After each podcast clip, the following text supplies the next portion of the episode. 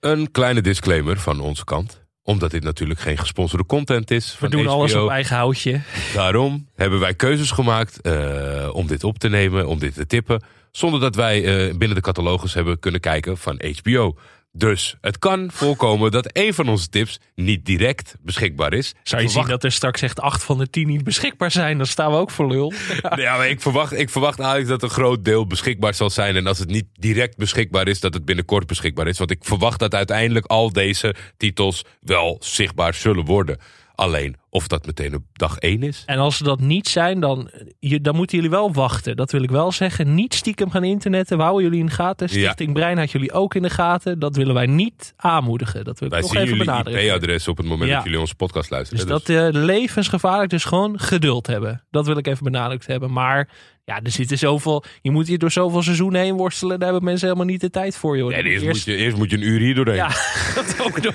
Ja. Maar daar ben je nu al waarschijnlijk. En dan denk ik, ik ga lekker de leftovers kijken. En dan gaan ze straks eh, twee uur per week daaraan besteden. Dus ehm, nee, een kleine disclaimer. Dus eh, val ons niet aan van waar is die titel? En dan woedende reacties. Wij gaan hier niet over. Nee, wij gaan Als ik er erover ging, dan was het er al lang. Allemaal de schuld van het fucking HBO. Nee, hebben we toch een beetje tegengas gegeven.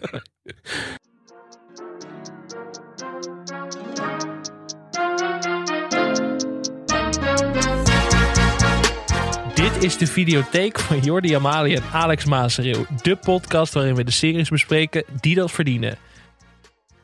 Normaal gesproken gaan we elke vrijdag de diepte in over één specifieke serie. Maar af en toe zoomen we ook een beetje uit, Jordi. Ehm, Absoluut. Een soort gids door het, door het immer uitdijende streaminglandschap. En er is een mooie aangelegenheid vandaag volgens mij. Ja, nu wel een zeer eh, op maat gids eh, met de lancering van HBO Max. Als je dit luistert is het eh, live. En zou je dus er verstandig aan doen, denk ik, om in ieder geval de, je eraan te wagen. Goed om even het, te benadrukken dat wij niet gesponsord worden. Dat is, Nee. Nee. Dit is gewoon puur omdat wij het zelf leuk vinden. Ja, en omdat we bij de perspresentatie zijn geweest en omdat wij nu een kleine greep uit, het, eh, uit de bibliotheek gaan bespreken. En eigenlijk zou dat al voldoende moeten zijn. Maar er is gewoon heel veel. En eh, ja, eh, als je het niet. je kan het altijd proberen, toch? Als het niet bevalt, kan je altijd nog weg. Precies, en dit sluit ook niet uit dat we dit misschien ooit voor een andere streaming ook nog een keer gaan doen. Dus het is gewoon nu moment, aanbod, het valt allemaal goed samen. Dus eh, HBO was erg laat, Alex. Ik weet Ja. niet of iemand nog later gaat komen. Maar als dat zo is, krijgen ze eenzelfde behandeling. en het viel natuurlijk gewoon goed samen met de uitbreiding, de expansie van onze podcast. Yes. Dus voordat we onze, ja, onze ongeveer 10 tips gaan geven, ik hoop dat we ons eraan kunnen houden. Ik verwacht het eigenlijk niet, maar dat gaan we zo zien. Eh, nog een beetje luisteraarspost. We hebben natuurlijk anderhalve week geleden ons eerste rondje videotheek opgenomen. Ja. waarin we een rondje maakten langs het actuele serieaanbod. En daar kregen we wat eh, reacties op. Ehm, waaronder van xo.cheer. Goeie naam, Hele sterke naam. origineel. Die zei, eh, geen idee of jullie het al kennen, maar ik ben groot fan van The Great. Een satirische dramedy over Catherine the Great met Elle Fanning en Nicholas Holt in hoofdrollen. Ik kan beide seizoenen heel erg aanraden. Ben jij er bekend Ehm, mee, Jordi? Nee. En het is echt eh, onder de radar gebleven als jij het eventueel niet kent. Ik ken het wel. Ik heb Jij het gezien en ik ben groot fan van deze serie. Maar Ja? het is inderdaad weer, je moet je weer in 300 bochten wringen om dit te kijken. Het is volgens mij te zien via Stars. En dat kun je dan nemen via Amazon Prime of Apple TV Plus. Volgens mij tegen extra betaling. Super handig. Het is heel handig, heel toegankelijk. Maar het is echt een hele toffe serie. Echt heel grappig. Het, het lijkt een beetje die film The Favorite van een paar jaar geleden. Ja, Het eh, het is geschreven door dezelfde schrijver. Oké. En ja, de hoofdrolspelers, die, eh, ja, als een naam je niks zegt, even googlen en dan weet je meteen wie het zijn.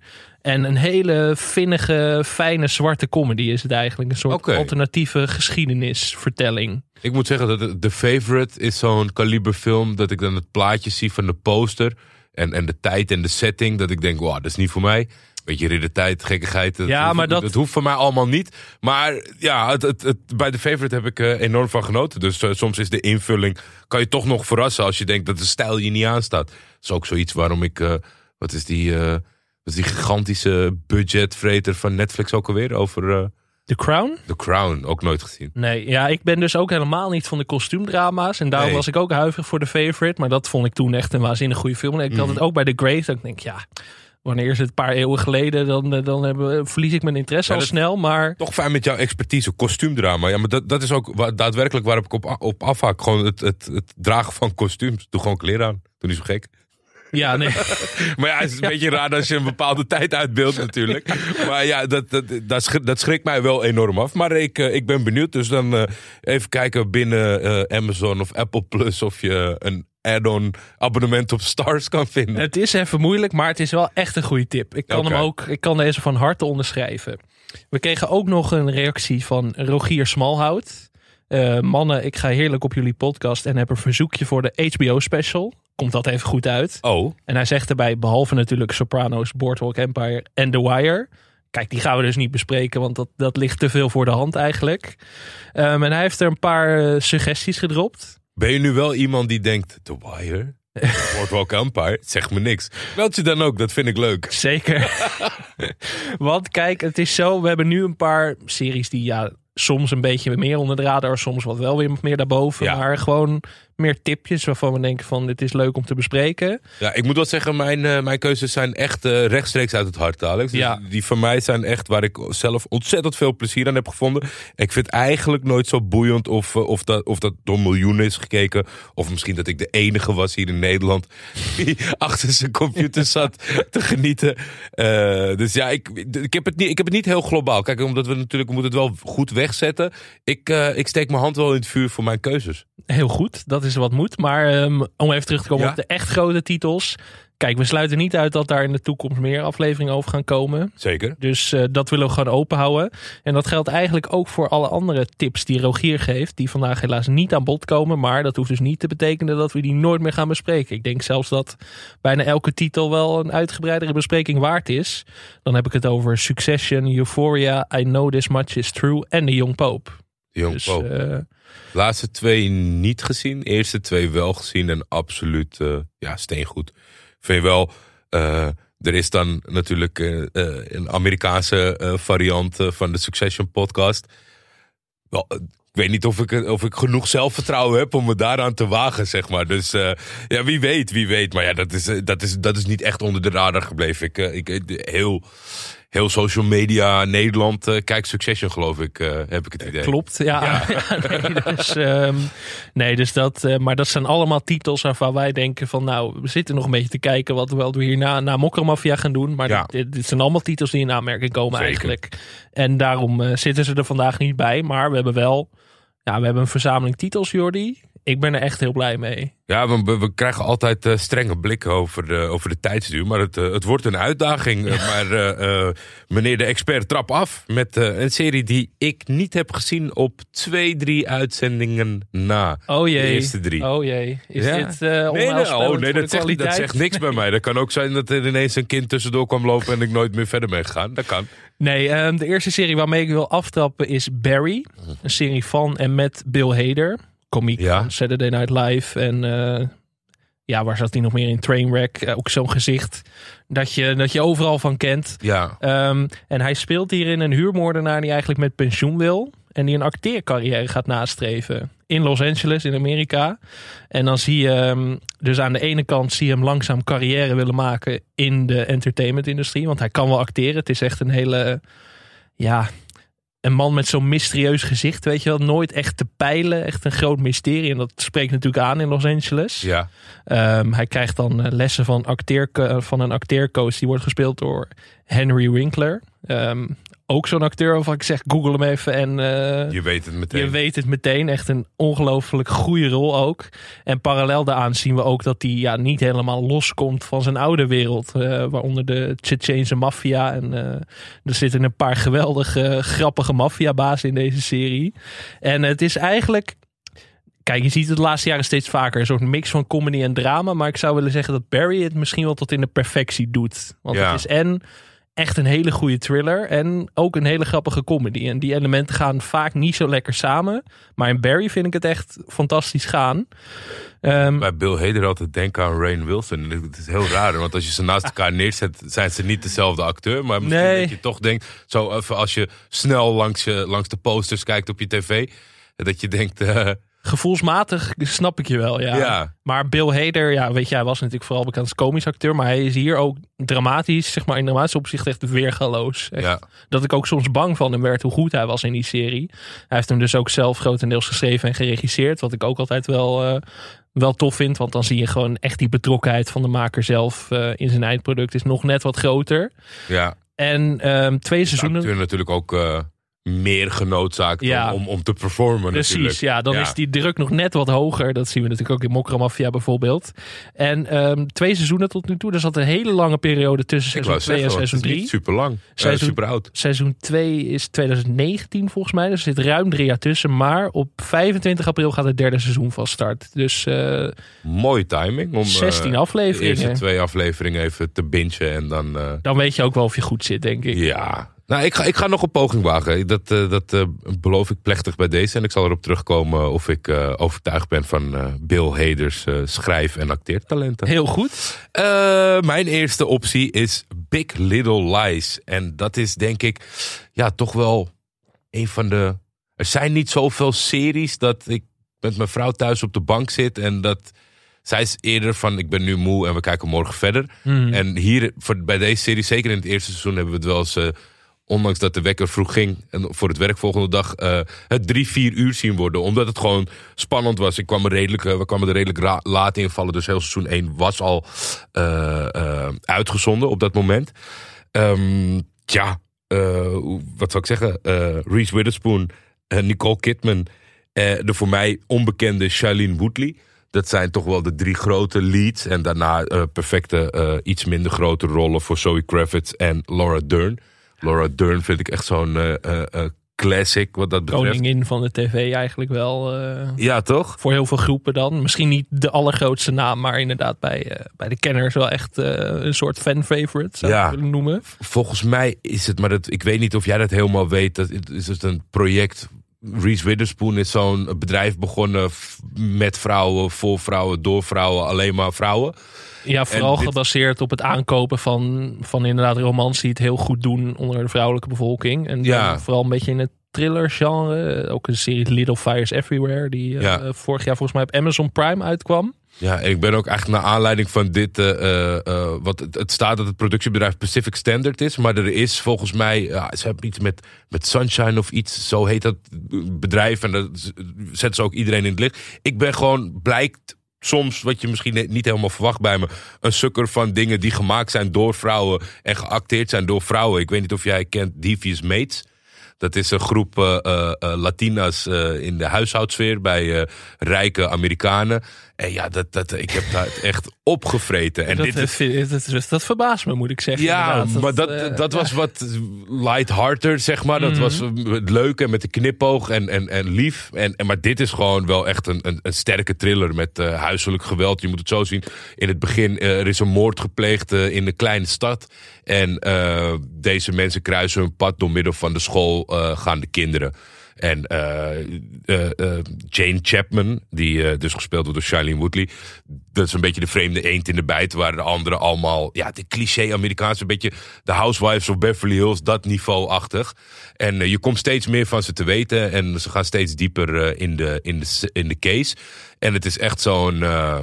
Zo'n cliffhanger-serie dat dat het heel moeilijk maakt om hem, eh, om hem uit te zetten. Er zijn eh, twee seizoenen, beide zijn eh, zeven afleveringen. En volgens mij is het wel volledig afgerond. Hoe dacht jij over het tweede seizoen? Ik heb het natuurlijk ook allebei de seizoenen gezien. Ik vond seizoen 2 ging toch een beetje wringen bij mij. Vond ik iets minder. Ja, absoluut. Maar ik denk ook wel dat het een beetje komt. Ja, soms, soms is een verhaal niet, niet meer dan één seizoen, zeg maar. Ook qua spanning die je zelf hebt. En dan gaat er een hele lange periode over voordat het volgende seizoen start. Dat zijn wat meerdere factoren. Ik, seizoen 1 had eigenlijk 14 afleveringen moeten hebben. Ja. Qua kijkervaring en erin zitten. En misschien ook qua eh, verhaalvorming bij de makers.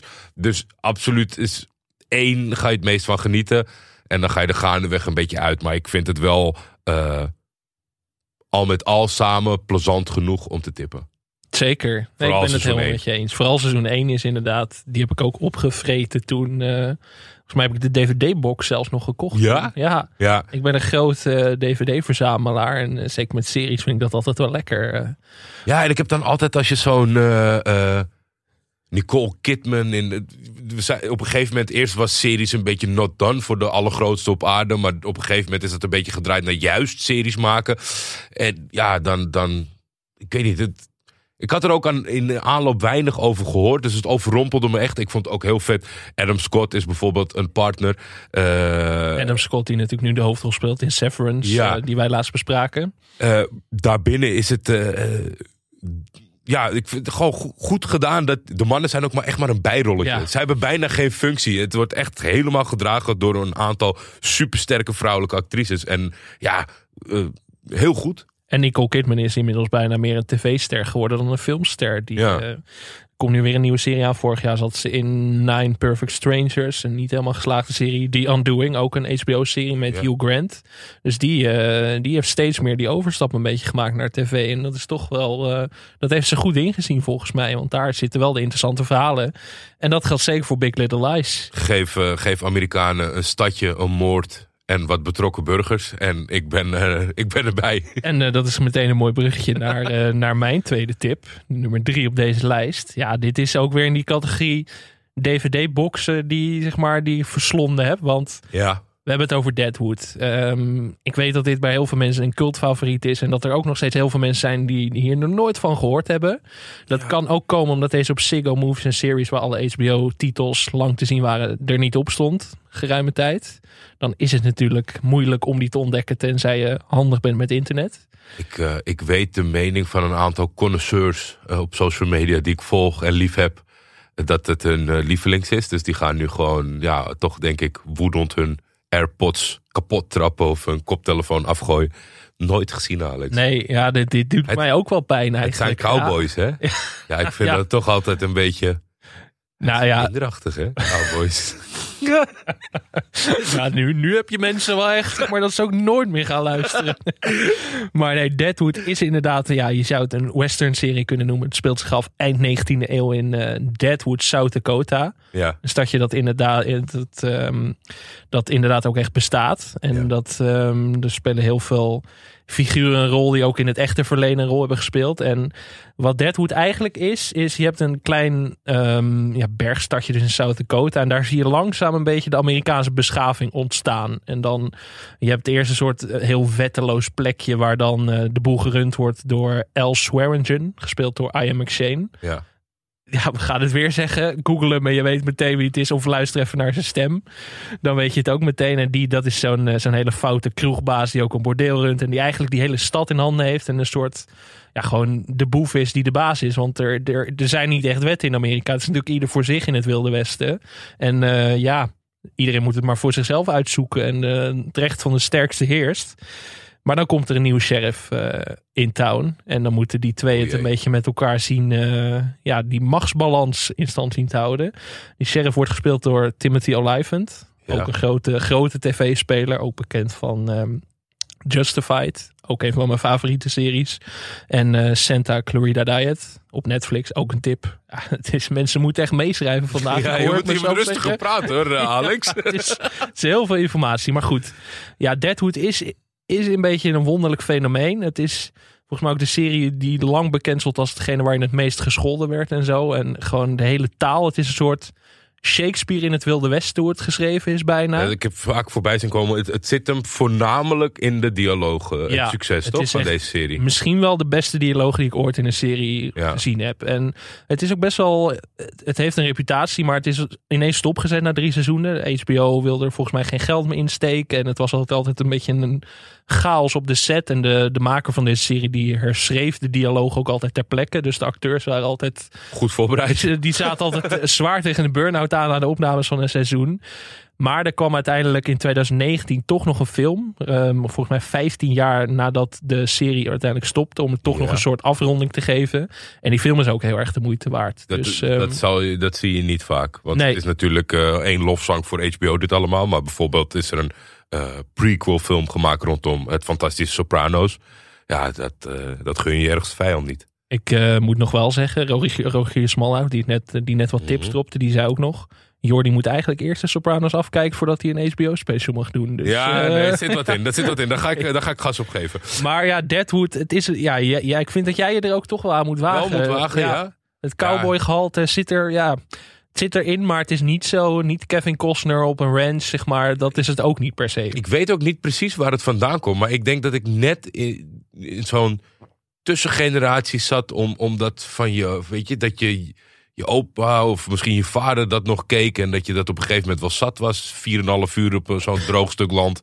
Met die uh, klapperende saloondeuren. Het is een beetje kostuumdrama voor jongetjes uh, die heel oud zijn. Dus ja, het is bij mij niet op de inhoud afgeketst. Kijk, Barry kan je van zeggen, heb ik er twee, drie van gezien pakte me toen niet meteen. Maar dat, dat is bij mij altijd lastig te plaatsen. In welke situatie was dat nou echt? Met aandacht of zonder aandacht? Maar Deadwood heb ik me eigenlijk nooit aan gewaagd. Dus wat dat betreft kan ik er blanco in. Uh, ik ben uh, overtuigd. Uh, kijk, mogen duidelijk zijn wie hier de onderbouwde mening heeft. En daar heb ik me dan maar en haar, kijk, Deadwood gaat zelfs zo ver. Het zou wel mijn top 10 van beste ooit zelfs ooit. halen, denk ik. Zo, ja, zo, goed vond ik het. Ik ben ook wel weer toe aan een rewatch. Dus misschien moeten we dat in het achterhoofd houden. Want uh, toch om die mensen tevreden te stellen die jij net weggejaagd hebt met je meningen. dus uh, laten we snel gaan naar een andere serie die ook... Nou ja, uh, ik, ik, ik zet er in ieder geval iets bombastisch tegenover. Maar in ieder geval, dat is niet zo succesvol geweest wat dat betreft als Deadwood. Dan denk ik, bij een breed publiek. Want het is niet zo geliefd bij een breed publiek. En ik heb het dus dus heel recent gekeken. Ik, uh, ik, ik doe er alles aan om iedereen hier binnen te overtuigen om hier een uh, episode voor episode special voor te maken. Ik denk ook als je het niet gezien hebt en je gaat het nu kijken, dat je het dan helemaal volledig met mij eens bent. Als het je smaak is. Alhoewel begrijp ik niet zo goed. We hebben het over The Leftovers. Um, een serie die uh, is gemaakt, of tenminste gestart is met uitzending in 2015. Uh, drie seizoenen, niet al te lang.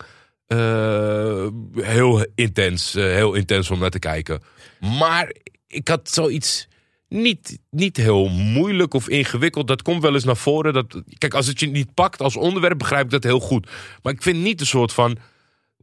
Kijk, bij Lost was je het echt af en toe kwijt. Dan denk je, ja, leuk die nummertjes, maar waarom moet je het intoetsen en wat gebeurt er allemaal? Maar hoe zat het nou met die ijsbeer? Die is dan de vraag die ik jou stel. Maar... Nee, precies, maar dat, dat gehalte valt toch wel mee? Uh... Het is wel goed om even te benadrukken waar de leftovers gaat. Ja. De leftovers speelt zich drie jaar af nadat um, 2% van de wereldbevolking in het niets eigenlijk is verdwenen. Ja. We hebben geen idee wat daar nou precies gebeurd is. Of het een soort van interventie van God is. Of uh, ja, er is gewoon geen verklaring voor. Het ligt in het midden. En dan spelen we drie jaar na dat moment eigenlijk af. En dan zien we wat dat met, uh, wat dat met de mensen heeft gedaan. En de achterblijvers, zeg maar, hoe dat een weerslag heeft op hun leven. Er ontstaat een beetje een tweedeling van de mensen die ze absoluut niet willen vergeten. En de mensen die gewoon eigenlijk verder willen met hun leven. Mm -hmm. En het zoomt in op één gezin, de Garveys. Uh, Kevin, Laurie, zijn vrouw. Jill, de dochter, Tom, de zoon. En dan nog zijn vader, Kevin uh, senior. Uh, Justin Theroux. Hoofdrol. Ja, bij mij buiten Leftovers niet echt super bekend. Hij zat laatst in de serie The Mosquito Coast op Apple TV+. Ja. Plus. Hij is uh, in de film van David Lynch heeft hij meerdere rollen gespeeld. Uh, Mulholland Drive onder meer. Uh, dus dat... Vond hem een hele goede, goede acteur. Zeker. Paste, paste zijn rol goed. Ja. Moest ergens ook een beetje denken aan Jake, de hoofdrolspeler van Lost. Hij heeft een beetje zo'n, ja, toch wel het, het, lijkt of de makers graag met zo'n cliché Amerikaans hoofd werken, maar die dan wel kan acteren. Maar, zeg ja, dat wou ik net zeggen. Die kan wel acteren. Ja, maar... ja, Jake was misschien niet al te sterk. maar uh, jij had het net over waarom dit niet aanslaat bij mensen. Het is misschien de stijl van het eerste seizoen. Het is, het is wat trager en wat zwaarder of zo, voordat het echt, echt die mysteries durft te omarmen in seizoen 2 en 3. Ik, ik heb altijd ja. het idee dat het daar een beetje aan ligt of zo. Dat mensen het eerste seizoen gewoon te, te moeilijk vonden bijna. Ja. Moeilijk niet in de zin van ingewikkeld, maar niet gewoon... materie, maar om het om erin ja. ja het, het, het, ik vind dat... Ja, ik begrijp het ook niet, maar... maar het, is, het is echt wel zo, we zijn nu bij een generatie die het heel moeilijk vindt om de telefoon even naast zich neer te leggen. Maar ik vind het altijd fijn als de serie ervoor zorgt dat ik geen idee heb waar mijn telefoon ligt. Ja. En ik denk als je hier gaat zitten en echt oprecht gaat kijken. Uh, de serie opent met een vrouw die haar kind uh, achter in de auto in de kinderstoel legt. Uh, getelefoneerd wordt, keihard aan het krijsen is. En een moment later is dat kind weg. En dat lijkt me al genoeg. Dat, dat triggerde mij genoeg om te blijven kijken en te willen weten wat hier nou gebeurd is. En hoe deze mensen, hoe dat zich verder ontwikkelt. hoe zij daarmee omgaan. En waar het tot leidt. En, en, en, en wat de verhalen, verhoudingen onderling worden. Ik moet zeggen, een van de beste, zo niet beste eh serie muziek ooit. Ja, Ik zo. heb, de, als ik me heel zwaarmoedig voel in de auto, of zoals net in een in troosteloze file om geen enkele reden sta, dan wil ik het nog wel eens opzetten. Ja. Want eh, ja, dat is toch wel, er is, er is één nummer dat het meest terugkeert. Voor de rest zit er echt gewoon fantastisch toegepaste, bij een breder bekend publiek. Volgens mij eindigt episode 1 met Take Me to Church, wat natuurlijk ook redelijk bombastisch is. Eh, verder, Liv Tyler zit erin. Nou ja, dat... eh, Ja, want die cast, die, dat is echt ongelooflijk. Want je hebt inderdaad Liv Tyler, maar ehm, Carrie Coon, die de, de vrouwelijke hoofdrol speelt. eh, als vrouw die haar hele gezin is kwijtgeraakt tijdens dat moment waarop 2% van de wereldbevolking verdween. is uit pech. Zij Statistisch had heel veel niet pech. helemaal. Zij had een best wel kleine rol ook in het begin. Zij had Zeker. langzaam een steeds grotere rol gekregen. En Carrie Coon is een van de beste actrices van dit moment. Maar gewoon puur een tv-actrice die nog niet echt in Hollywood heel bekend is. Daardoor misschien niet bij het grote publiek. Dat ze denken van, hé, hey, dat is Carrie Coon. Maar Ja, dat is toch wel een van de beste rollen die ik ooit gezien heb in Leftovers. Echt waanzinnig. En ook ehm Anne Dowd, die veel mensen zullen zeggen- kennen uit The Handmaid's Tale als. Aunt Nou, Lydia. Maar ja, voor mij is dit wel echt dat ik dacht van wow, wie is zij ineens zeg maar uit de Ja. niets. Want zij speelt dan de leider van een secte die ook is ontstaan naar aanleiding van eh, dat verdwijnen van die 2%. En ja, potverdorie, dat is wel echt een van de, van de Ja, engste echt, personages die ik ooit gezien heb. echt, echt fantastisch. En eh, ja, het, het, het wordt niet al, al te groot. Om, en dat is, dat is volgens mij vaak wel een, een probleem. Als het erg mysterieus is dat je het te groot maakt. Het is, het, het is overzichtelijk. Je, je wil het door. Ik, ik, ja, ik zou het absoluut willen adviseren. Het zijn drie seizoenen. De eerste twee hebben tien afleveringen elk. En de laatste acht. En eh, Ook een serie die met de aflevering eigenlijk nog bijna nog beter werd. Ja. Dat zie je ook niet vaak. En echt een perfecte finale ook nog. Dus ehm, ja. Wellicht komen we hierop terug. Dat sluit ik, Ik, eh, ik, ik hoop het. En Ik hoop het ook. Als er mensen zijn die het niet hebben gekeken en zich er nu toch aan gaan wagen, meld je vooral. Want dan kan ik hier eh, weer een beetje wat. eh, Dan kun jij Arco ompraten om dit gewoon toch als recap te toch. gaan doen. het is niet te klein. Laten we naar het, het Danny McBride blokje gaan. Ja, Dan ga ik weer met mijn Engelse namen. Dat gaat altijd een beetje mis. Danny McBride. ehm, een legend in het vak zou ik willen zeggen. Eastbound and Down. Vice Principals. En sinds 2019 ook The Righteous Gemstones. En dat is mijn derde tip. ja. Eh, The Righteous Gemstones is een serie over een eh, familie televangisten. Dat is bij ons niet echt een ding. Dat je, dat je Thijs van der Brink ineens een, een preek ziet geven op tv. Dat zie je in op één, maar niet eh, voor een volle zaal met gelovigen. Maar in Amerika is dat natuurlijk een heel groot spektakel met, eh, Zeker. met van die tv-dominees die dan... kan je staan. Ja, precies. Ja. En dat is eigenlijk het eh, startpunt voor deze ja, komische actieserie, zou ik het een beetje willen noemen. Ja. Ook weer een, een weergaloze cast. John Goodman is, of John Goodman is de pater familias. Een absolute koning natuurlijk. Ik Als zeggen- John Goodman erin zit, dan moet je gewoon kijken. En eh, Danny McBride speelt dan de oudste zoon. En ehm, nou, nog wat andere goede personages. Onder meer Edie Patterson heet ze. Dat is geen bekende naam. Maar als je The Righteous Gemstones hebt gezien, dan zou dat het wel moeten zijn. Want zij speelt dan de zus van Danny McBride. En zij is echt een van de meest gestoorde seriepersonages die ik ooit gezien heb. Echt heel erg goed, heel grappig. Maar het is, ja, je zou dit kunnen omschrijven als een soort succession, maar dan in die, in die. Dus dat ze een beetje elkaar naar het leven staan, die broers en zussen de Onderlinge verhoudingen. De rol van hun vader, die een beetje dubieus is, dat ze die eigenlijk van de troon willen stoten. Ik moest er in het begin een beetje inkomen dat ik dacht van, ja, waar gaat dit nou over? Ik kon het niet helemaal plaatsen of het nou comedy was of een beetje, ja, meer, meer actie of zo. Want dat zit erin. Maar het is steeds meer een soort actiecomedy geworden. Een beetje de Beverly Hills kopachtige genres, zeg maar. Dat dat er steeds meer in door is gegaan. En dat ze, eh, dat ze gewoon te maken krijgen met dreiging van buitenaf. En dat ze een heel, hele gekke familiegeschiedenis hebben. Dat die, dat die paterfamilie als de grote dominee eigenlijk die een miljonair is geworden. Dat die een heel crimineel verleden bijvoorbeeld heeft. En dat Ja. wordt verder uitgediept en zo. En wat ze eigenlijk willen zeggen is dat, dat zeg maar, ze, ze verkondigen het woord van God. Maar het zijn natuurlijk allemaal boeven achter de schermen eigenlijk. En daar worden ze de hele tijd mee geconfronteerd. En dan is er de, de wildcard van deze serie is Walton Goggins. Ehm, ben jij bekend met Walton Goggins? Onder meer eh, in Django Unchained, The Hateful Eight zat hij. Justified was hij de bad guy. Oh ja, zo. Zo. Maar dit, is, zo- Ja. dit is er eentje van, Ja. eh, die moet je googlen. Gelukkig Ja. heb ik wel een laptop paraat. Zeker. Ja, Vice Principles natuurlijk. maar Vice is, Principles Danny zat hij ook in. heeft natuurlijk wel een beetje altijd een, een kliekje mensen Een om vast zich heen. Ja. En ehm, ja, Walton Goggins speelt hier in Uncle Baby Billy. De zwager van John Goodman, die dus ook in de 70 is.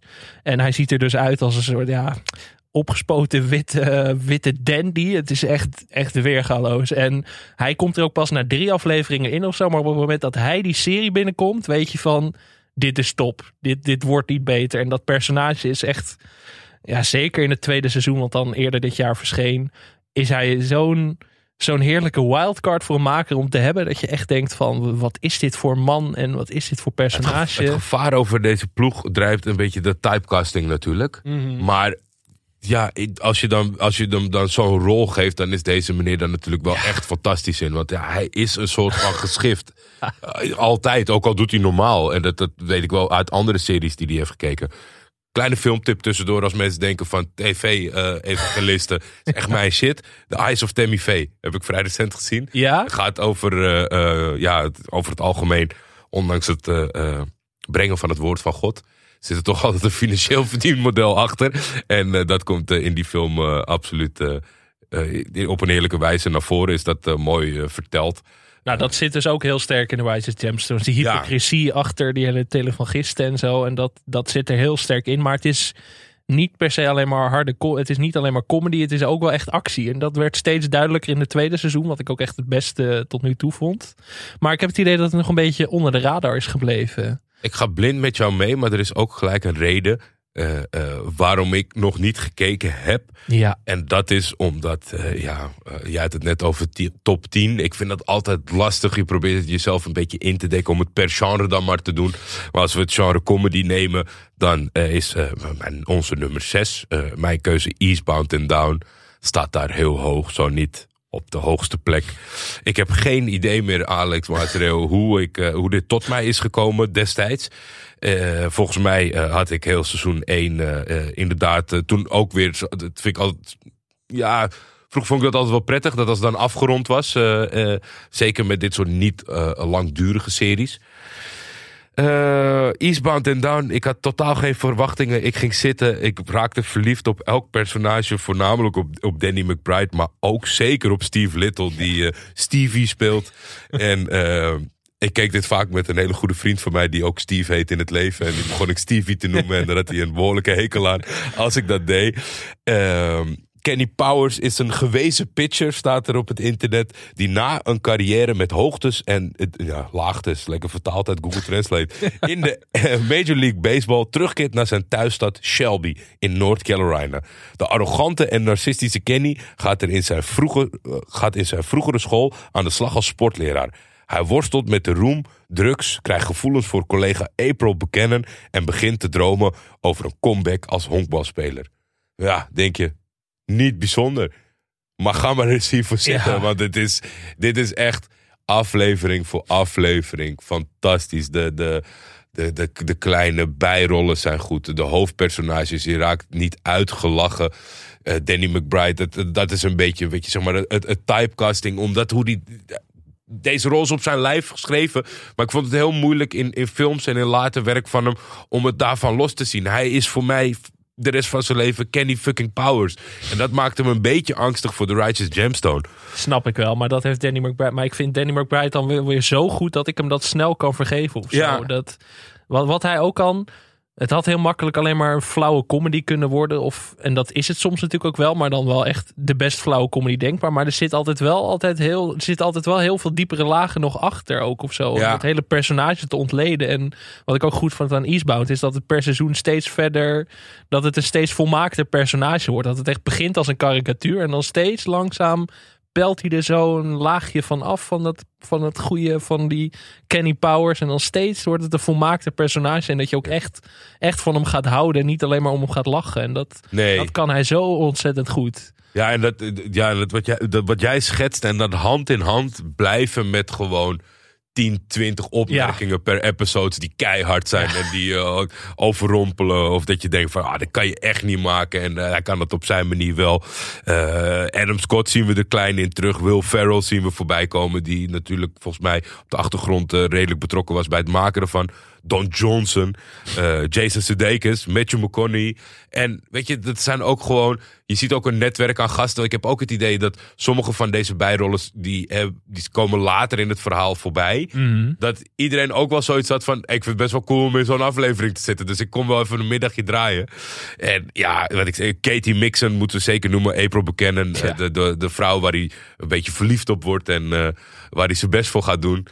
Ja, het is het, het, het, het, uitventen van bepaalde clichés. Terwijl eigenlijk, ja, weet je, we wonen in Nederland. Dus wat weet je van de hillbilly redneck uh, clichévorming. Maar je hebt toch wel een beetje een idee in welke hoek het allemaal moet zitten.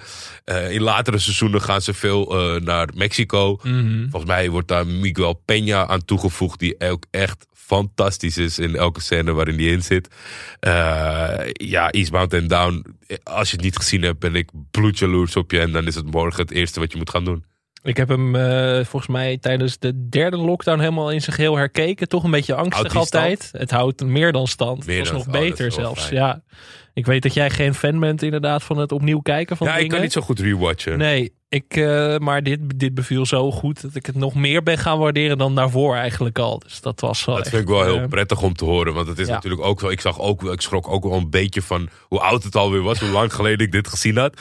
Maar ja, ik kon me ook niet voorstellen. Omdat het natuurlijk ook veel gaat om de humor en de, en de dialogen. En, en niet zozeer om dingetjes waar de tand destijds meestal uh, door afbrokkelt, zeg maar. Maar ja, uh, uh, super tip. Super tip. En zeker op comedy gehalte denk ik de beste tip. Ja, dat denk ik ook. Ja, we zijn het lekker met elkaar eens weer. Uh, ja, dat, uh, dat, dat, dat uh, nou ja, tot op, tot op heden heb ik er nog niet één gezien van jou. Dus wat dat betreft, ik kan niet echt met je eens zijn. Ik kan alleen toezeggen dat ik ga kijken. Laten we snel naar de volgende tip gaan. En ja, deze, deze gaat me wel echt nader aan het hart. Want dit is de serie Banshee. Ja. En um, ja, god. Um, als, als, als de term pulp in een serie samen te vatten zou moeten zijn, dan zou dat Banshee zijn. Want, god, ik heb deze serie pas echt. Nou, ik had het wel eerder volgens mij al stukjes van gezien, maar toen, toen pakte het me nog niet echt in de eerste aflevering. En toen heb ik het uh, vrij recent in zijn geheel gekeken. En het is, ja, het is misschien wel de meest weergeloze pulpserie die ik ooit gezien heb. Want het idee is. Um, een ex-gevangene, die wordt gespeeld door Anthony Starr, die veel mensen zullen kennen als Homelander uit uh, de superhelden-serie The Boys, of de anti-superhelden-serie. Ja. En die uh, komt na jaren gevangen te hebben gezeten vrij. En die, uh, die slaat dan, of die, nou, die slaat, die slaat op de vlucht, want hij wordt nog, hij wordt nog gezocht door wat oude, oude bekenden die niet, uh, niet per se koffie willen drinken, maar die nog iets van hem te goed hebben. Dus hij slaat op de vlucht naar een klein gehucht ergens uh, in Zuid-Amerika, waar uh, die gedomineerd wordt door, door zo'n Amish gemeenschap, weet je wel, echt zo'n zo'n suf stadje. Dat stadje heet Banshee. En zijn, zijn ex heeft daar een nieuw leven opgebouwd en hij wil eigenlijk terug gaan winnen. Maar nu wil het toeval. Hij gaat even een borreltje drinken in, uh, in een cafeetje daar in Banshee. Even een praatje maken met de lokale barman. En daar um, belandt hij in een kroeggevecht. Ja. Waar toevallig de nieuwe sheriff van Banshee ook aan de bar zit. En die raakt betrokken in een uh, gevecht met twee, uh, twee red, rednecks. En die komt te overlijden. En wat denkt, uh, wat denkt deze beste man dan? Die denkt, uh, zijn rol moet ik maar over gaan nemen. Prima. Weet dus, niemand waar ik zit. Precies, en hij doet zich dus voor als de nieuwe sheriff van Banshee. En dan ontdekt hij ook dat dat echt ook, net als waar we het net al in Deadwood over hadden, dat het een soort wetteloos stadje is. Dat de politie of corrupt is of uh, niks te vertellen heeft. En dat uh, de hele stad eigenlijk gerund wordt door een, uh, een behoorlijk enge crimineel. Gespeeld door een Deense acteur. Ulrich Thompson. Ulrich Thompson. Kai Proctor, ook weer echt een, een bad guy voor de eeuwigheid wat mij betreft. Het gekke aan deze serie is, Alex, als je het, het, het is niet veel getipt door mensen. De mensen die het hebben gezien, waar ik het wel eens uh, online mee over heb gehad, die vinden het allemaal geweldig. Ja. Als je deze uh, cast neerzet op een foto, zo naast elkaar staat, met het verhaal wat jij net verkondigt, denk je, hoe de fuck is dit een tip?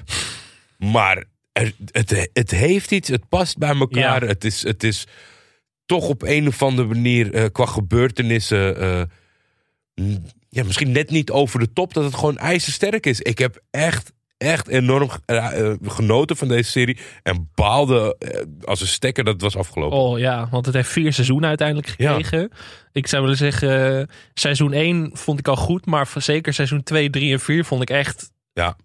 Straight up weergaloos. Echt, eh, maar ook de ene wilde actiescène naar de ander. En echt goed gemaakt ook. Want dat is ook wel lastig. Omdat echt bij tv zijn de budgetten natuurlijk veel, vaak veel kleiner. Zeker bij zo'n serie. Mhm. En dan toch zeg maar heel vaak met gevechtscènes en zo zo goed ermee wegkomen. En dat is ook wat deze serie zo goed maakt volgens mij. Dat het niet alleen maar goedkope pulp is, maar wel echt hele goed uitgevoerde pulp. En dat is een beetje het verschil denk ik met heel veel van dit soort wannabe Ja, zeker. En, en, en ja, alle complimenten voor de, voor de lead acteur vind ik ook. Omdat Zo ja. hij heeft best wel eh, eh, te stoeien met wat clichés van de crimineel die zich voor moet doen als zijnde eh sheriff. Dus je, je kan het al een beetje uittekenen wat zijn problemen zijn. Maar hij doet het zo overtuigend. Hij zet het zo goed neer. hoe hij acteert een sheriff te moeten zijn. Ja, Dat, eh, ehm, ik was tot, op, tot voor deze uitzending niet op de hoogte dat het binnen het assortiment viel. Maar ja, heel veel luisteraars zullen dit nog niet gekeken hebben. Nee. En je gaat een waanzinnige rollercoaster tegemoet. oh, er zit één aflevering, volgens mij is het derde seizoen, dat het, eh, het politiebureau wordt aangevallen. Volgens mij door Ja. een groep Native Americans die Mhm. dan eh, Van, die, van het casino. Ja, van het Ja. casino, ja. En dat is zo'n goede aflevering. Dat is echt, nou, dat... pff, ik zit niet vaak echt dat ik echt, zeg maar, het cliché te gebruiken op het puntje, van mijn stoel, van je stoel. Maar toen zat ik er overheen, hoor. Ja, Dat was ja, ja, een- ja, echt waanzinnig goed uitgevoerd. Spannend, grappig ook. Echt hele fijne zwarte humor, daar hou ik altijd wel van. Ja. En echt, ja, een bindende kijktip voor de mensen. ja, uitgesproken acteurs wat dat betreft. Ik heb ook niet het idee dat ze volgens mij allemaal eh, eh, nu eh, geld aan het tellen zijn van Hollywood money. Maar het was een perfect stel bij elkaar. Ja, een perfect stel bij elkaar. Dat zijn in zekere zin vaak ook Ricky Gervais en Steven Merchant. Jaren geleden hebben zij voor de BBC extras gemaakt. En eh, ik heb het idee dat, dat elke keer als Ricky Gervais wat maakt... dat hij weer een nieuw publiek weet te vinden. Of tenminste niet nieuw, maar een soort van zijn kijkers uitbreidt. Mensen die ik nog nooit over hem had gehoord... die zaten nu allemaal bij Afterlife en hoe mooi ze dat vonden. En eigenlijk doet Ricky Gervais altijd hetzelfde, maar dat altijd op een perfecte manier. Eh, hij is natuurlijk bekend van The Office. Eh, eh, naast extras heb je ook nog Derek. Die staat volgens mij op Netflix. Volgens mij is de, de, de, de kwaliteit van Ricky Gervais... is dat hij bepaalde aspecten in het leven... uitvergroot, maar klein. Ergens in de auto onderweg hier naartoe zat ik eraan te denken... eh, want je moet keihard lachen. Zeker bij deze, want deze is niet zo zwaar als zijn latere werk. Zijn latere werk is vaak wat, wat zwaarder. Hier is het nog wel eh, luchtig en zitten er veel echt harde lachmomenten in. Eh Jiske Vet zonder overdrijving. Wat, wat Jiske Vet doet, is altijd dingen uit het leven nemen die heel herkenbaar voor ons zijn, waar we allemaal een mening over hebben. Maar dan heel bombastisch, weet je, met een Michiel Romein eh, die, die, die, die schreeuwend en, en heel flamboyant dat doet. En, en Ricky Gervais vind ik eigenlijk datzelfde beheersen, maar op een, op een soort van minimalistische manier. In, in hele simpele dingen. De, de serie gaat erover dat hij is een extra. Dus dat is een, eh, eh, ja, hoe noem je dat ook weer? Zo'n, eh, ja een soort edelfigurant of zo. ja, figurant. Figurant, Ja, eigenlijk figurant. En samen met Ashley Jensen, die Maggie Jacobs speelt, zijn ze op zoek naar wat succes in- om door te, door te pakken in het figurantschap en eigenlijk acteurs te worden. Nou, is het probleem dat Maggie niet zo ambitieus is. En eh, eh, Andy Milman, die, eh, het karakter van Ricky Gervais, super eh, ambitieus is. En ja, dat is gewoon fantastisch dat hij op de set bij producers en, en, en, en makers bij Visagie overal zijn verhaaltje klaar heeft. Lekker gaat lopen slijmen in de hoop dat. En eh, later in de seizoenen eh, eh, krijgt hij misschien een klein beetje het succes waar hij naastig naar op zoek is. Maar dat, eh, dat valt dan weer op een andere manier heel erg tegen. Ja, ik denk als je nu nog eh, bekend moet worden met het werk van Ricky Gervais, dan eh, zou dat opmerkelijk zijn. Dus het kan meer zo zijn dat als je hem later bent tegengekomen, dat je denkt, oh shit, er is nog meer. En dan zou ik zeker de twee seizoentjes van zes afleveringen, inclusief een latere kerstspecial, zou ik zeker opzetten. Heb jij dit met plezier gekeken? Zeker. Ik ben wel altijd een beetje eh, zo-zo als het om Ricky Gervais gaat. Ik ben niet van al zijn werk fan. Ik vind, het- dit, is, dit is vloek in de kerk. Ik doe even wat jij net deed bij Deadwood, doe ik nu met de Britse The Office. Ehm, ik ben Ja, dat, ja, veel meer groter fan van de Amerikaanse versie. Ja, maar jij, Alex, jij ziet zoveel, je, je weet er heel veel vanaf. En dat is ook wel echt een, echt een uitzondering. Dat een Amerikaanse remake beter is dan iets wat dat Brits is is. Dus wat dat absoluut betreft waar. Ja. is dat echt wel de pech in zijn leven. Denk Ja. ik dat, dat, er ooit, dat het ooit gelukt is. En mede natuurlijk door Steve Carell en een fantastische casting. Dat er ooit een Amerikaanse versie is geweest die beter is dan het origineel. Dat is vrijwel de uitzondering. Maar Ja. ehm, ik weet dat, dit- dat dit ook een onpopulaire mening is trouwens. De meeste mensen vinden de Britse toch nog altijd beter volgens mij. De puristen. De Britten. Die drinken met, die nemen thee met een scheutje melk erin als ze de Britse die Office kijken. Mr. Bean. Nee, ehm, nee en Rick Gervais, eh, het is meer ook zijn publieke optredens dat hij dan bij de Golden Globes weer iedereen beledigt. En dat iedereen Ja. dan weer gaat delen van, hij durft wel. Hè. Daar verzet ik me altijd een beetje tegen. Oké. Daar krijg ik het een beetje benauwd van. Ja. Dat ik denk van ja, het is, het is grappig, maar vooral die reactie van mensen, dat, dat gaat me dan een beetje, daar krijg ik het altijd warm van. Maar Afterlife vond ik bijvoorbeeld wel weer heel goed. En Ja. daarin, ja, hij laat ook steeds meer zijn gevoelige kant zien in zijn werk. Dat durft hij steeds meer te laten zien. Wel nog steeds met dat pure cynisme en dat vind ik wel goed samengaan. Zeker. En extra's vind ik wel zijn beste nog misschien wel, denk ik. Ja, ik denk ook, ik, ik denk dat het juist goed werkt. En, en dat dat ook misschien wel eh, eh, een reden is dat hij, dat hij steeds zijn publiek vergroot. Om juist met die hele zware materie zo cynisch om te gaan. Ja. En, toch, eh, weet je, hij kan heel goed eh, de pijn acteren in combinatie met wat we allemaal zouden denken in, in bepaalde situaties. Dus het is een, eh, een, een kleine tip, maar als je het nog niet gezien hebt, dan absoluut tof. Zeker als je Afterlife, wat volgens mij een hele populaire serie was, heel, heel Ja. veel mensen gezien. Dus dan eh, mogen ze ook wel wat verder terug eh, in de Gervais geschiedenis volgens mij. Ja, dan gaan we nu naar echt een nieuwe titel die hier ook nooit te zien is geweest. Nee. Eh, wel al een jaar geleden in Amerika uitkwam, maar ja, nee, ehm, ik moet hier eigenlijk even een paar jaar terug in de tijd. Ik denk dat het 2015 was. Ik zat het tweede seizoen van Fargo te kijken. Nog steeds een van de beste televisieseizoenen wat mij betreft in de geschiedenis. En daarin ehm, speelde een vrouw een grote rol. Een soort, eh, ja, je hebt de paterfamilias, maar zij was de materfamilias. Dat, ik hoop dat dat, dat bestaat. Anders begrijp je wat ik bedoel. Ehm, die eigenlijk de leiding over een misdaadorganisatie in Kansas in handen kreeg in de jaren 70. En die vrouw werd gespeeld door Jean Smart. Ik was niet bekend met Jean Smart. Ik had haar wel eens gezien. Volgens mij zat ze in 24 of zo heel lang geleden. Ik, heb Ik echt denk dat ik het daar wel zij eens heeft- gezien Zij heb. heeft zo'n hoofd, eh, want nu ga ik twijfelen aan mezelf, maar zij heeft zo'n hoofd dat ik haar al honderd jaar zou moeten kennen. Maar Ja, maar wel iemand die nooit, nooit zeg maar zelf op het podium echt stond. nee, dat zou kunnen. Dat zou en kunnen. ehm, ik zag haar in Fargo en ik dacht echt van holy shit, wat is zij goed? Waarom, waarom is deze vrouw niet zeg maar een wereldster? ja. Toen heeft het even een paar jaartjes geduurd. En toen kwamen vorig jaar ineens eerst de serie Mayor of Easttown. Toevallig ook een HBO-serie, ook een tip. En de serie Hex. En daarin heeft Jean Smart eindelijk dat podium... wat ze eigenlijk, wat mij betreft, al 30, 40 jaar had verdiend. ja. Sensationeel leuke binnenkomer. En eigenlijk met bepaalde aspecten eh, eh, uitgelicht die, die ik moeilijk zou vinden om dat leuk in, in beeld te brengen. Want eh eh Deborah Vance is mega succesvol. Er staat al 150 jaar hetzelfde te doen in Las Vegas. Maar de hotel-eigenaar, de podiumgever aan haar, Christopher McDonald speelt Marty. Die zegt dat het, ja, het is een beetje klaar, Deb. we hebben nu, we kunnen hem uittekenen. Je doet elk jaar hetzelfde. Dat is ook echt waar zij in gelooft. En dan eh, zit er een optie op of een poging doen tot vernieuwen of eh, eh, einde carrière. Achter de geraniums. Ja, en eigenlijk gelijktijdig zien we een, een meisje, Hannah Einbinder, die speelt Eva. En die probeert in Vegas, of wat is het, Los Angeles volgens mij, haar carrière na een succesje verder voort te zetten. Met een hele irritante eh, agent. Die, eh, nou ja, de fantastische, de beste bijrol in tijden vond ik eh, de assistent van de, van de, van de agent.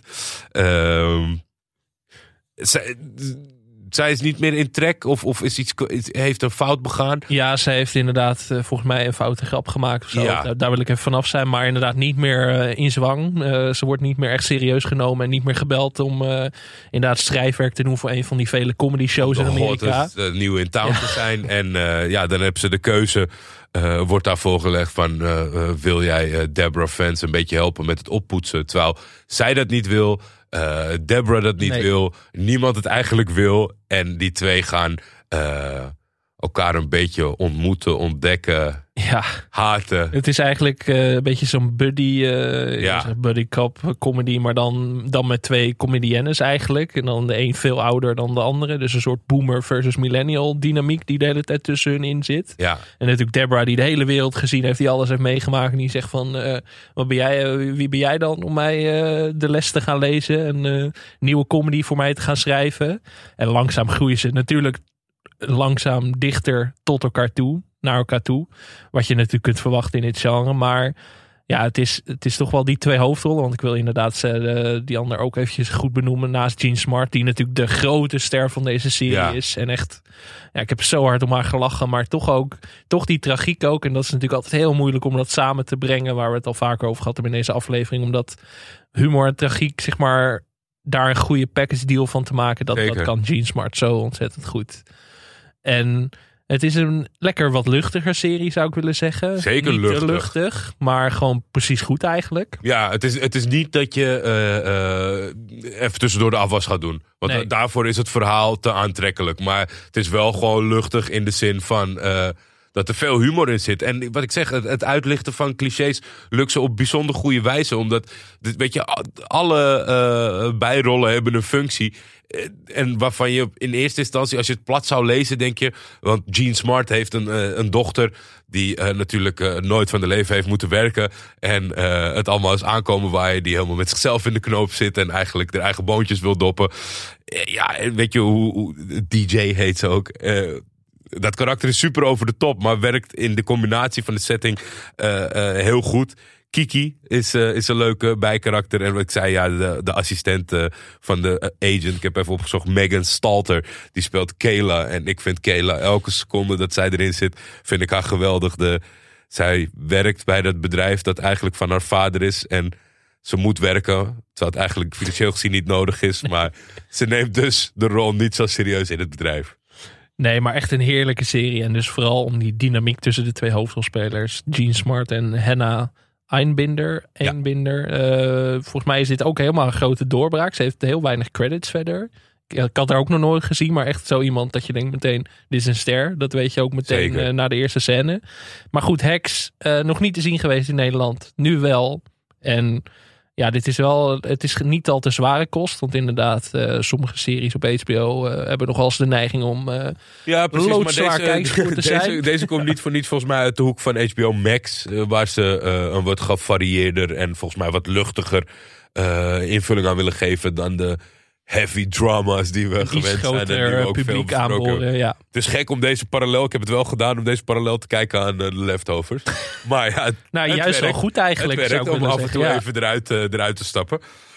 Dan de laatste, Alex, eh, nummer 10. Voor mij is Silicon Valley. Eh, ik weet niet hoe de eh, beschikbaarheid van deze serie was in Nederland. Eh, Silicon Volgens mij Valley. was het te zien op Ziggo, maar Ja, nooit echt een grote hit geweest. ja, maar volgens hier. mij is nooit iets wat in een pakket bij een provider zat echt een mega hit geworden in Nederland. Dus eh, nou ja, koester het, zel- koester het als je het nog niet gezien hebt. Want het is, eh, eh, ja, de, de, de titel zegt het eigenlijk al. Alleen het is een comedy gezet eh, in, eh, in Silicon Valley bij een start-up eh, bedrijf. Dat we gaan volgen vanaf het bedenken naar het oprichten, naar het groter worden, eh, naar het professionaliseren. Dat doen we aan de hand van Richard Hendricks. Die wordt gespeeld door Thomas eh Middleditch. Eh, kende ik voor deze serie niet. Hele sterke lead vind ik hem. En ik had het net al over goede aankleding van de serie. Maar hier, ja, er zijn gewoon veel hoofdrollen naast hem. Dus ik, weet je, de, ik vind bijrollen, vind ik, daar zou je ze tekort mee doen. Omdat ze echt met z'n allen de serie dragen. Hij heeft een, een team. Vrienden is niet het goede woord, denk ik. Maar eh, mede techies. eh, waar ze mee, eh, waar ze mee gaan proberen de wereld te veroveren. Dat zijn Belt Bertram Guilfoyle, gespeeld door Martin Starr. Dinesh Chuktai, gespeeld door Kunal Najani. Die nu volgens mij een huge star is inmiddels. De Big Sick, eh, Eternals zat hij in. Ja, die Grote echt, eh, speler, ja. ook gewoon echt een, een, een leuk gozer als je in interviews of dat soort dingen Ja, rondom, eh, rondom absoluut. de rest van zijn carrière kijkt. Dan heb je Donald, die ze in de serie Jared noemen, gespeeld door Zach Woods. Fantastische klungel. Ja, Zach Woods is ook altijd een fantastische klungel. Ook in de Ja. Amerikaanse The Office zat hij onder meer... eh, Ja, en hij, heeft dat, dat social awkward, eh, verlegen in de hoek staan. En hier wordt hij echt gewoon. Want het, het- ik, wat hier goed is aan die dynamiek, omdat hij op een gegeven moment kan je dat een beetje zat raken. Maar het zijn natuurlijk allemaal social awkward nerds. Dus omdat het aan de ene kant al niemand wil op hem schreeuwen. En nog steeds is hij de awkward verlegen dude die zijn vinger niet durft op te steken. Dan, eh, ja, wat ik heel jammer vond om, om achteraf achter te komen. eh, een van de tofste karakters in de serie, dat is eh Erlich Bachman. Eh, de investor van Silicon Valley die iedereen probeert uit te, uit te knijpen door middel van huisvesting en mee te investeren en dat soort zaken. Maar die wordt gespeeld door TJ Miller. En die is later eh, heel slecht eh, of, of, of vaak slecht in, in opspraak gekomen met drugs, met het vervelend doen op de set. Eigenlijk het onmogelijk maken van zichzelf eh, met, met zeer serieuze klachten. Hij zit ook niet in het laatste seizoen. En dat is wel eigenlijk het enige smetje op deze serie. Zijn gedrag is natuurlijk een smet, maar dat is ook bepalend geweest uiteindelijk voor, het, eh, voor, voor de afloop van deze serie. Die echt, waar ik week in week uit samen met een vriend van een soort van recap over wat Sepp aan het doen was. Eh, die, die, hij is ook werkzaam weet je, in de tech en dan kon je een beetje van hoe zitten ze er. Nou, Silicon Valley natuurlijk wel groter dan een, dan een bescheiden start-up in Nederland. Maar ja, hij kon wel een beetje rondkijken in, in, in hoe de karakters zich voordeden en de dingen die ze uit eh, gingen lichten. Ja, ik heb echt, echt genoten. De Three Comma Club. eh, het, is een, eh, het is echt een hele succesvolle, hele leuke. Ik denk een van de leukste comedies in de recente jaren, vond ik. Oké, dat, zijn, dat zijn grote woorden. Want eh, ja, we hebben een primeur. Dit is de enige van de tien series die ik niet gezien heb. Nee? Nee. Oh, Ja, dit is... eh, ga je schamen. ja, nee, ja, yes. Wel Deadwood met kloppertjespistolen en dan Silicon Valley niet. Nou ja, ik, ik vind het in ieder geval leuk, Alex, dat ik iets heb eh, eh, dat jij niet hebt Ja, nee, gezien. ik moet ook lekker gemaakt worden. Ik bedoel, we zitten hier voor de luisteraars, maar eigenlijk ook voor onszelf. Ik bedoel, Ja. het is toch lekker. Nee, ik heb deze heel lang al op de kijklijst staan, maar Jij, elke keer als ik eraan wil beginnen, dan, ja, dan weet ik niet. Dan ga ik toch weer die Office herkijken. Ja, ik dan, weet zie je wat toch de onconventionele bankkijkmening van mij. Maar ik ga misschien nu een gekke vergelijking trekken. Maar ik heb ze vaak achter elkaar gezien. Eh, jij kent natuurlijk wel Veep. Ja, dat is een, eh, een van mijn favoriete comedies aller tijden, ja. Vergeet de, de inhoud van Veep, maar wel de kwaliteit van Veep. En hevel dat over naar een tech-startup. En ja, dat, wat, ik- wat ik zeg, Jan- Jian Yang zie ik ertussen staan, gespeeld door Jimmy O. Yang. Volgens mij ook een stand-upper. Ja, Ja, dat is, dat is weet je. Hij wordt benaderd met het cliché racisme richting Aziaten. Maar in de tussentijd is hij veel slimmer dan de rest. En, en neemt iets allemaal in de zeik. Het is echt. eh, eh, eh, nou, ik, ik, ik ben benieuwd als je. Zet seizoen 1 op. Kijk alsof. Want je weet, je weet eigenlijk na drie, vier afleveringen. Weet je of dit jouw smaak is of niet. Ik ga hier voor het volgende rondje videotheek op terugkomen, Jordi. Dat eh, wil ik bij deze beloven. Maar ehm, dankjewel, Jordi. Graag gedaan, Alex. Jij ook bedankt. Eh, wij zijn er natuurlijk elke vrijdag met een bespreking van eh Mokromafia. En dus binnenkort misschien wel de leftovers. Misschien dat deze uitzending wat losmaakt in de mensen. Dat hoop ik dan maar.